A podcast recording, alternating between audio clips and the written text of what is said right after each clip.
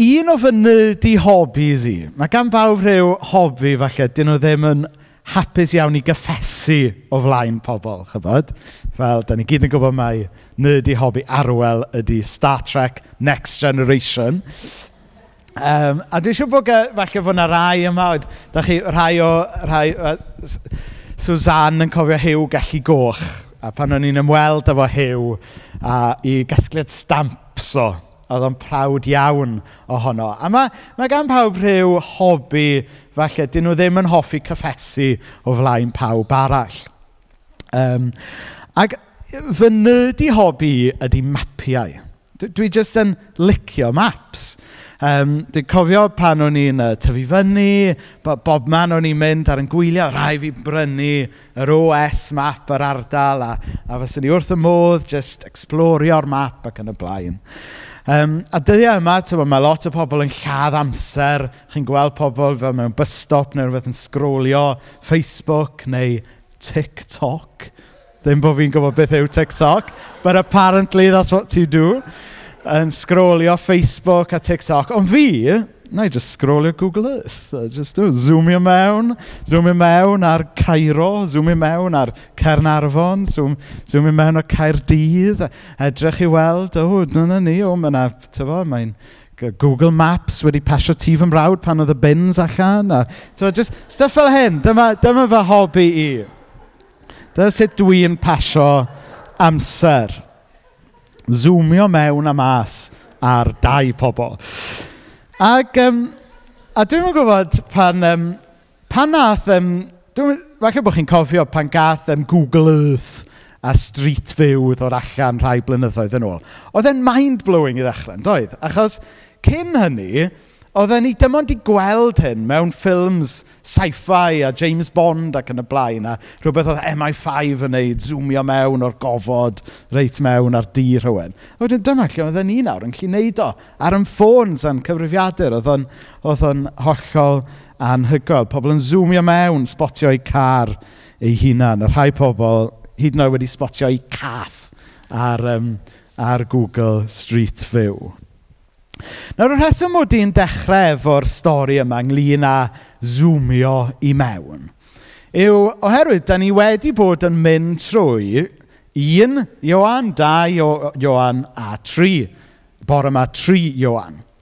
A mewn ffordd, zoomio mewn sy'n digwydd wrth i ni fynd trwy'r llythyrau yma.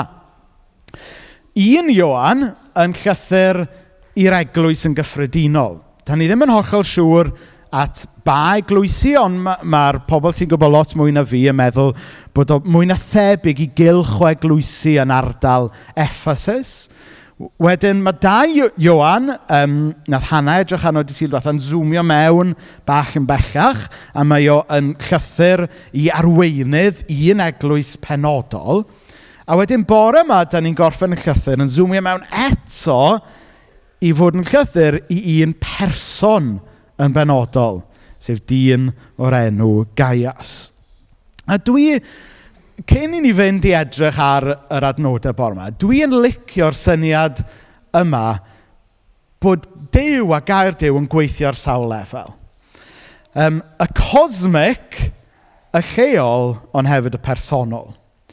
Achos weithiau, Da ni angen camu yn ôl o'n sefyllfa personol a gweld y darlun mawr yn dydan.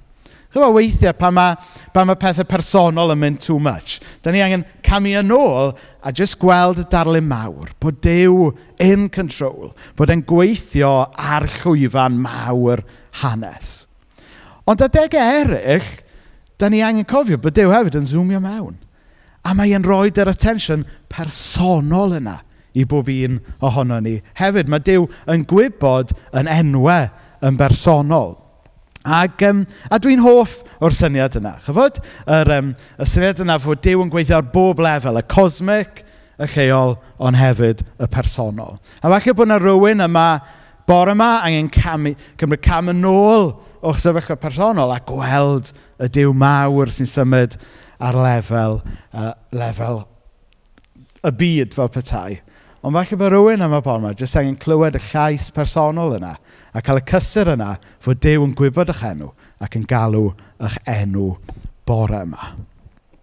So, y darlleniad bore yma, da ni'n mynd i fynd i edrych arno, os fysa ti, Sion yn fodlon clicio trwyddo, um, ydy um, un, uh, sorry, tri Iowan, penod un, wel dyma ni un, un penod sy yn y llythyr, a da ni jyst mynd i ddarllen yr um, 11 adnod cyntaf. Llythyr gan Iowan yr arweinydd at fy ffrind Anwyl Gaius.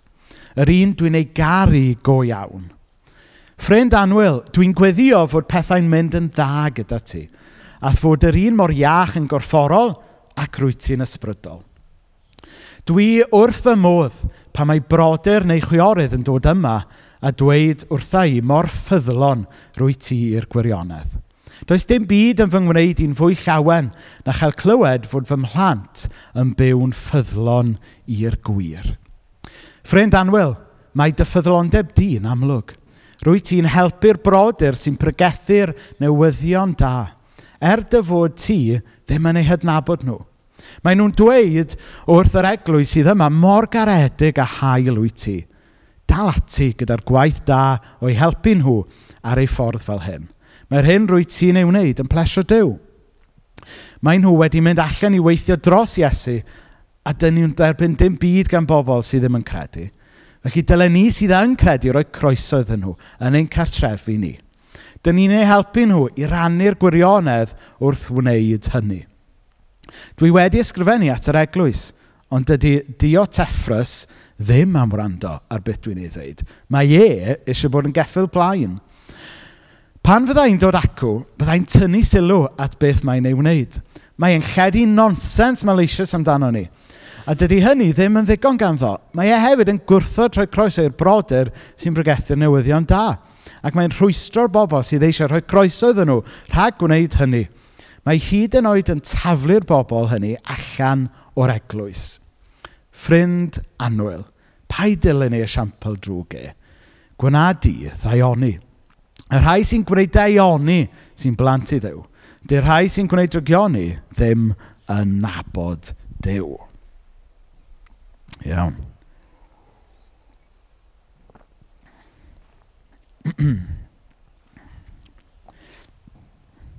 Nawr mae'r y, y llythyr yna yn dechrau gyda Iwan yn dweud wrth Gaias bod e wedi i lawenhau o glywed I fod e a, a pobl yn ei eglwys e yn byw yn ffyddlon i'r gwir. Neu yn Saesneg, walking in the truth. A mae hwn yn amlwg yn dod â llawenydd i Ioan. O glywed y newyddion dama bod rhywun yn cerdded yn, yn byw yn ffyddlon i'r gwir. Nawr, i ni'n gwybod um, o ran y cyd-destun yn y llythyrau yma a rhai pethau ni'n gwybod o llyfr yr actau, fod yr eglwys ar y pryd wedi bod trwy amser anodd, wedi bod trwy ryw fath o crisis, um, crisis ffydd ynglyn â beth o'n nhw'n credu, a bod hwnna falle wedi arwain i crisis moesol ynglyn â sut oedden nhw yn byw. Um, ond fan hyn, mae yna newyddion da. Mae yna newyddion da fod yna rai o leia, a Gaias yn un ohonyn nhw, wedi bod yn byw yn ffyddlon i'r gwir. A da ni'n gallu casglu fod y byw yn ffyddlon i'r gwir yma, bod e'n fwy na dim ond credu y pethau iawn. Bod e, bod e ddim just yn tybo, fully signed up on paper i gredu'r pethau iawn. Ond bod yna arwydd a ffrwyth yn ei fywydau, e, fod e'n byw mewn ffordd fel trew i'r hyn oedd e'n dweud oedd e'n ei credu. Fod, fod e'n credu'r pethau e iawn a bod e'n byw mewn ffordd sy'n dangos Iesu i bobl. Fod yna ffrwyth i weld yn ei gymeriadau ac yn ei fywydau. Mewn geiriau eraill, oedd yr efengil ar newyddion da am Iesu Grist, oedd e'n fwy na dim ond syniad abstract fel petai. Oedd e'n fwy na ideology, rhywbeth oedd e'n sainio fyny i gredu, ond oedd e'n rhywbeth oedd e'n amlwg yn meddiannu i fywyd cyfannau. Y ffordd oedd e'n trin pobl, y ffordd oedd e'n byw i fywyd. Mewn geir eraill, nid syniad oedd e wedi seinio fyny oedd Iesu Grist, ond pwer oedd yn byw ynddo fe. Rhywbeth oedd yn byw trwyddo fe. Ac yn yr adnodau sy'n dilyn, i ni'n cael clywed mwy ynglyn â sut oedd ffrwyth y ffydd yn dangos i hun y mywyd Gaias. Mlaen yna adnodau um, 5 a 6, o'n i'n darllen, Ffrindiau Anwyl, mae dy ffyddlondeb di yn amlwg. Rwy ti'n helpu'r brodyr sy'n bregethu newyddion ta, er dy fod ti ddim yn ei nabod nhw. Maen nhw wedi dweud wrth yr eglwys sydd yma mor garedig a hael wyt ti. So beth oedd y ffrwyth y mywyd gaias? oedd yn dangos bod e yn byw yn y gwir? Ydw e'n dweud oedd e'n bregethwr grymus? Falle, ond dwi ddim yn dweud hynny. Yw e'n dweud oedd e'n cyflawni gwirthiau? Falle, ond dwi ddim yn dweud hynny. Oedd e'n dweud bod e'n broffwyd adnabyddus? Falle, ond dwi ddim yn dweud hynny. Yw e'n dweud fod e'n worship leader? extraordinaire? Falle, ond dwi ddim yn dweud hynny. Ond beth sy'n yn cael ei ddweud, sylwch, heilioni caredigrwydd a lletigarwch. Diddorol, ynddo fe? A mae'r holl bethau nes i ddweud cynt, maen nhw gyd yn bethau da, so do gen i wrong, ond sylwch beth sy'n cael sylw, beth sy'n cael ei nodi fan hyn, fel ffrwyth cymeriad rhywun sydd yn cerdded efo Iesu. Heilioni, caredigrwydd a lletygarwch. Dyma yw ffrwyth cariad Crist y mywyd y gŵr yma o'r enw Gaias. Oedd enw da gan Gaias nid am sgwennu llyfrau, nid am fod yn bregethwr da, ond am fod yn hael a bod yn person lletigarwch. Dyma sut oedd i gariad e'n cael ei adnabod. A mae werth i ni nodi'n dydy, mae un o brif ffrwythau cariad mewn sawl lle yn y testament newydd ydy y ffrwythau yma, heilioni a lletigarwch. garwch mae um, yr esboniwr Beiblaidd Tom Wright yn dweud, In fact, as we have seen in other New Testament passages, love for the early Christians was not primarily something you did with your heart and emotions. It was something you did with your whole life, not least with your money and your home. So it had been with Gaius. Chybod, mae credu'r pethau iawn am Iesu yn bwysig. Aethon ni gael sesiwn do Manon a Magi, y sesiwn cyntaf, actually, yn y, be ydyn ni'n credu. A mae profi um, cariad Christ yn eithriadol o bwysig, bod e'n rhywbeth da ni yn i brofi, neu dim ond yn rhywbeth sydd yn y pen. Ond ar ôl y credu a'r profi, mae rhaid bod yna ffrwyth yn does. Ac yn yr, yn yr llythyr yma, da ni'n dysgu rhywfaint ynglyn â be mae ffrwyth cariad Iesu. Be ddyle fe edrych fel ymhlith pobl ddew. Haelioni caredigrwydd a lletygarwch. Un o, un o ffrwythau ysbryd Crist yno ni ydy haelioni caredigrwydd a lletygarwch. Ac felly, dyw e ddim yn gyd-ddigwyddiad, na di, pan da ni'n clywed yn aml Cresnogion yn rhannu tystiolaeth, bod stori lot o Cresnogion, ddim pawb, ond mae stori lot o Gresnogion yn dechrau drwy bod na Gristion wedi bod yn hael tuag atyn nhw. A dyle hwnna ddim yn syni ni, achos dyna da ni'n gweld yn yr eglwys fore, yn dyfa. Mae yna, ma, ma stori lot, o, lot ohonoch chi yma. Mae stori chi tuag at Iesu wedi dechrau drwy'n syml iawn cael ffrind i chi neu teulu i chi sy'n gristion just yn bod yn neis i chi. a mae beth, da ni yn, da ni'n anhofio pa mor bwysig ydy hynna fel ffrwyth yr ysbryd. Bod yn hael, bod yn garedig, bod yn lletigar. A bod hwnna yn arwain wedyn i bobl ofyn am y gobaith sydd ynddo ni. Ond, os ga osod her lawr bore yma hefyd, dwi'n cyfarfod lot o bobl sydd wedi troi cefn ar yr eglwys.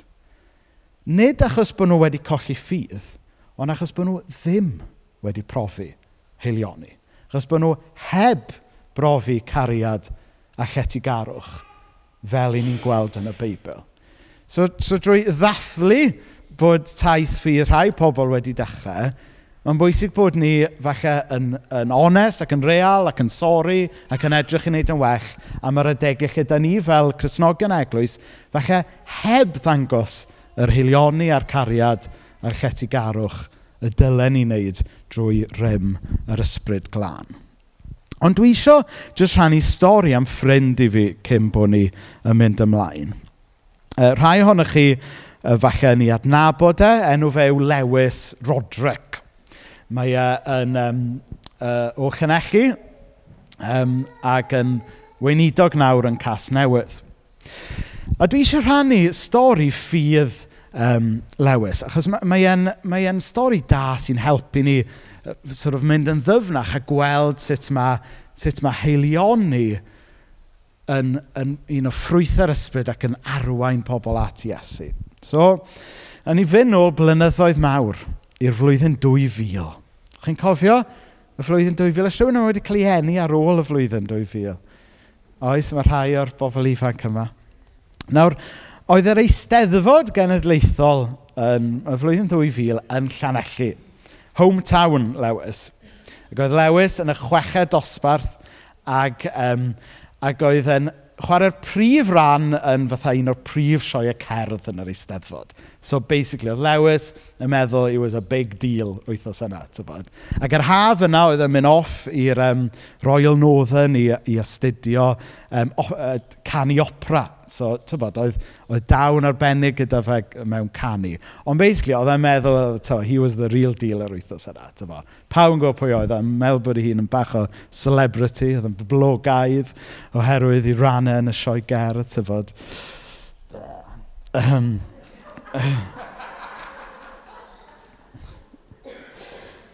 Ie. Tua diwedd yr wythnos, ar ôl y sioe gerdd a beth bynnag, mae e'n mynd i maes bu. Maes bu, chi sydd yn gwybod, ydy sort of yr maes ieuenctid yn y steddfod, lle mae yna gigs yn y nos ac yn y blaen. A'r noson yna, yna storm fawr wedi dod, fel sy'n digwydd pob blwyddyn yn y steddfod a, a fe gath i babell fach ei chwythu drosto ac ar ôl y gig mae fe'n cyrraedd nôl i babell a oedd e ddim yna a nynlle gyda fe i gysgu. Ac yn maes bu ar y pryd oedd um, y gorlan, sef cenhadaeth grisnogol, um, rhyw fath o um, pabell fwyd, mae Cresnogion yn rhedeg, yn rhoi bwyd rhad i bobl er mwyn yn y bôn gofalu ar ôl pobl. Ac, ac oedd Lewis yn gwybod digon am y ffydd Cresnogol ar y pryd i wybod fod Cresnogion fod yn bobl oedd yn helpu pobl. oedd yn gwybod fel gymaint a hynny am y ffydd. So mae'n mynd i'r gorlan a esbonio bod i babell e wedi, wedi cael ei trasio yn y storm ac oedd angen rhywle i gysgu. A wedyn un o'r bobl oedd yn, yn rhan o tîm y gorlan yn mynd i, yn diflannu a wedyn dyn ôl um, deg munud wedyn, dwi, dwi wedi ffeindio pabell i ti, dwi wedi ffeindio rhywle i ti fedru cysgu. Um, a wedyn Lewis, diolch fawr iawn, a mynd i'r babell a mynd i gysgu lyflu. Deffro bore wedyn, agor y zip, a ffeindio y boi oedd wedi ffeindio y tent iddo fo, jyst yn cysgu tu allan, yn y storm. A'r munud yna, na taith Lewis tuag at Iesu gychwyn. Achos oedd e wedi gweld fod y Cristion yma heb ddweud dim byd am Iesu wedi bod yn aberthol fel Iesu yn ei helioni a'i gariad a'i letigarwch. Drwy roi fyny i lle sych a diogel a saff e i lewis gysgu yn oson yna, nath e jyst cychwyn rhywbeth yn yn meddwl ac yn calon Lewis. Ac wrth gwrs, later down the line, tywa, oedd na ffrindiau gyda fe, wrth gwrs, na siarad am Iesu gyda fe. Ond mae'n arwydd y cael yn dydy fod y daith wedi cychwyn gyda jyst Cristion yn bod yn hael, dangos caredigrwydd a dangos lletygarwch. Ac erbyn hyn, mae Lewis, fyddwch chi'n ferch glywed, nid yn unig wedi dod i gredu yn Iesu, ond mae Lewis yn arweinydd eglwys mawr iawn yn Cas Newydd. Ddim bod maint eglwys yn bwysig, ond, tyfod, um, ond, ond mae'r cyfan wedi dechrau drwy jyst ffrwyth yr ysbryd yn cael ei ddangos mewn caredigrwydd helioni a lletygarwch. Nawr, falle bod rhai ohonych chi yma bore yma yn meddwl, wel, dwi ddim dwi ddim yn dda iawn yn siarad am Iesu efo pobl. A mae'r troion dwi wedi trio, dwi wedi wneud mes ohono fe. Dwi ddim yn gallu pregethu, dwi ddim yn gallu wneud hyn a'r llall. Ond mae pawb yn gallu bod yn hael. pawb yn gallu bod yn garedig. Pawb yn gallu dangos rhyw lefel o lletygarwch. Beth am i ni lenni, ffrindiau, gofyn am nerth yr ysbryd glân Dan ni'n ni aml yn gweddio am nerth yr ysbryd glân i gael pregethu grymus yn yr eglwys gret. Don't get me wrong, as a preacher, I'm all for that.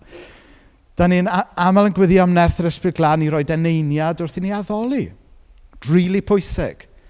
Be am ni gofyn am llenwad yr ysbryd glân i ni fod yn fwy caredig, i ni fod yn fwy hael, i ni gael yn herio yn y ffordd da ni'n dangos lletu garwch tuag at bobl.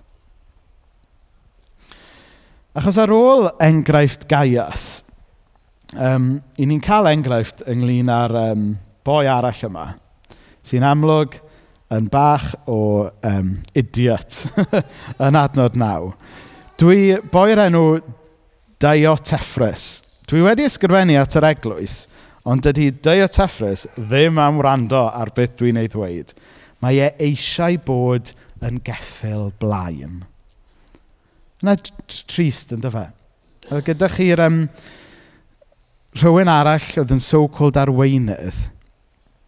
Oedd e just eisiau bod yn geffil blaen. Dwi'n yn gwybod be oedd hwnna'n edrych fel. Falle oedd e just eisiau wneud y pregethu heb bod yn hael. Falle oedd e just eisiau bod yn y band heb hefyd gwasanaethu pobl. Da ni ddim yn gwybod y context. A dwi'n stretcho fe chydig bach fel yna. Ond y wers i fi o'r hanes yma yw be a Gaius, not a Diotephris. a wath ni fod yn onest, mae yna bach o Diotephris yn pob un ohono ni. Be am i ni jyst edif ar hau am hwnna, rhoi hwnna i Iesu bore yma. A gofyn am fwy o ysbryd Gaius ynddo ni fel unigolion ac fel eglwys. Da ni'n byw mewn oes yn amffodus lle y diotephryses sydd yn dod i'r brig. Mewn cymdeithas yn gyffredinol, ond wath ni fod yn onest, weithiau yn yr eglwys. A mae yna lot o problemau yr eglwys fodern, lot o, lot o scandals mewn eglwysu heddiw. Achos bod yr diotephryses yn cael ei llais wedi clywed yn hytrach na bod ni'n codi y gaiases. A lle bod ni weithiau yn wneud hynna. Da ni weithiau yn rhoi talent o flaen cymeriad, charisma o flaen cariad. Wel, mae tri Ioan yn herio ni. Edifarhau am pa mae hwnna'n digwydd. A tynnu yn ôl. At edrych ar gymeriad rhywun. Cyn unrhyw public talent. Edrych ynglyn â ydyn nhw'n berson o cariad cyn ydyn nhw'n berson charismatic in the, you know, in, you know what I mean by that. I'm all for charismatics, ond the, fel personality trait dwi'n siarad am, yeah, you understand me. Boed i ni weddio ffrindiau, bod ni yn cael yn gwarchod rhag diotephrases a boed i ni weddio bod ni'n fwy o gaiases. Felly jyst wrth orffen y neges bore yma a hefyd jyst y, y gyfres fach mae'n edrych ar llythyrau Iwan. I ni wedi gweld dros yr um, wythnosau diwetha um, sut mae mae'n bwysig bod ni yn, yn credu yn y gwirionedd am y Mesoea a sut da ni'n gadael i'n cred yn y Mesoea, effeithio y ffordd da ni'n profi gariadau e, a sut mae hwnna wedyn yn ffeithio ffordd da ni'n caru yn gilydd. Y pwynt yw, mi ddyle beth da ni'n credu, ddyle ffordd da ni'n byw i gyd fod yn un peth mewn gwirionedd. Ddyle cyfan fflywio mewn i'w gilydd. Ac, um, ac eto mae Tom Wright yn dweud e lot gwell na allai. Truth, as always in John, is not simply a fact or a quality. It is an energy, a power, the living and dynamic quality that transforms people, communities, and ultimately the world. We are privileged to be caught up in the work of truth, turning our misguided and often wicked world into a place where once again the Creator God is honored and glorified. And this collaboration in the work of the truth comes right down to the practical details of a meal, a bed for the night, and a good start in the morning. Fi wrth y modd efo'r quote yna gan Tom Wright. Mae'n ma dechrau gyda'r cosmic yn dydi, y, y gwirionedd mawr. Ond it boils down i sut da ni'n dangos cariad Christ mewn purely practical ways bob dydd yn y ffordd da ni efo pobl. Y zoom out yna o gynllun mawr dew i draws newid y byd, i'r zoom in yna, o be mae cariad Iesu'n edrych fel mewn bywyd bob dydd. A falle, mae tri Iwan oedd Dewi Sant yn darllen pan wedodd e, gwnewch y pethau bychain. er mwyn i enw, amen.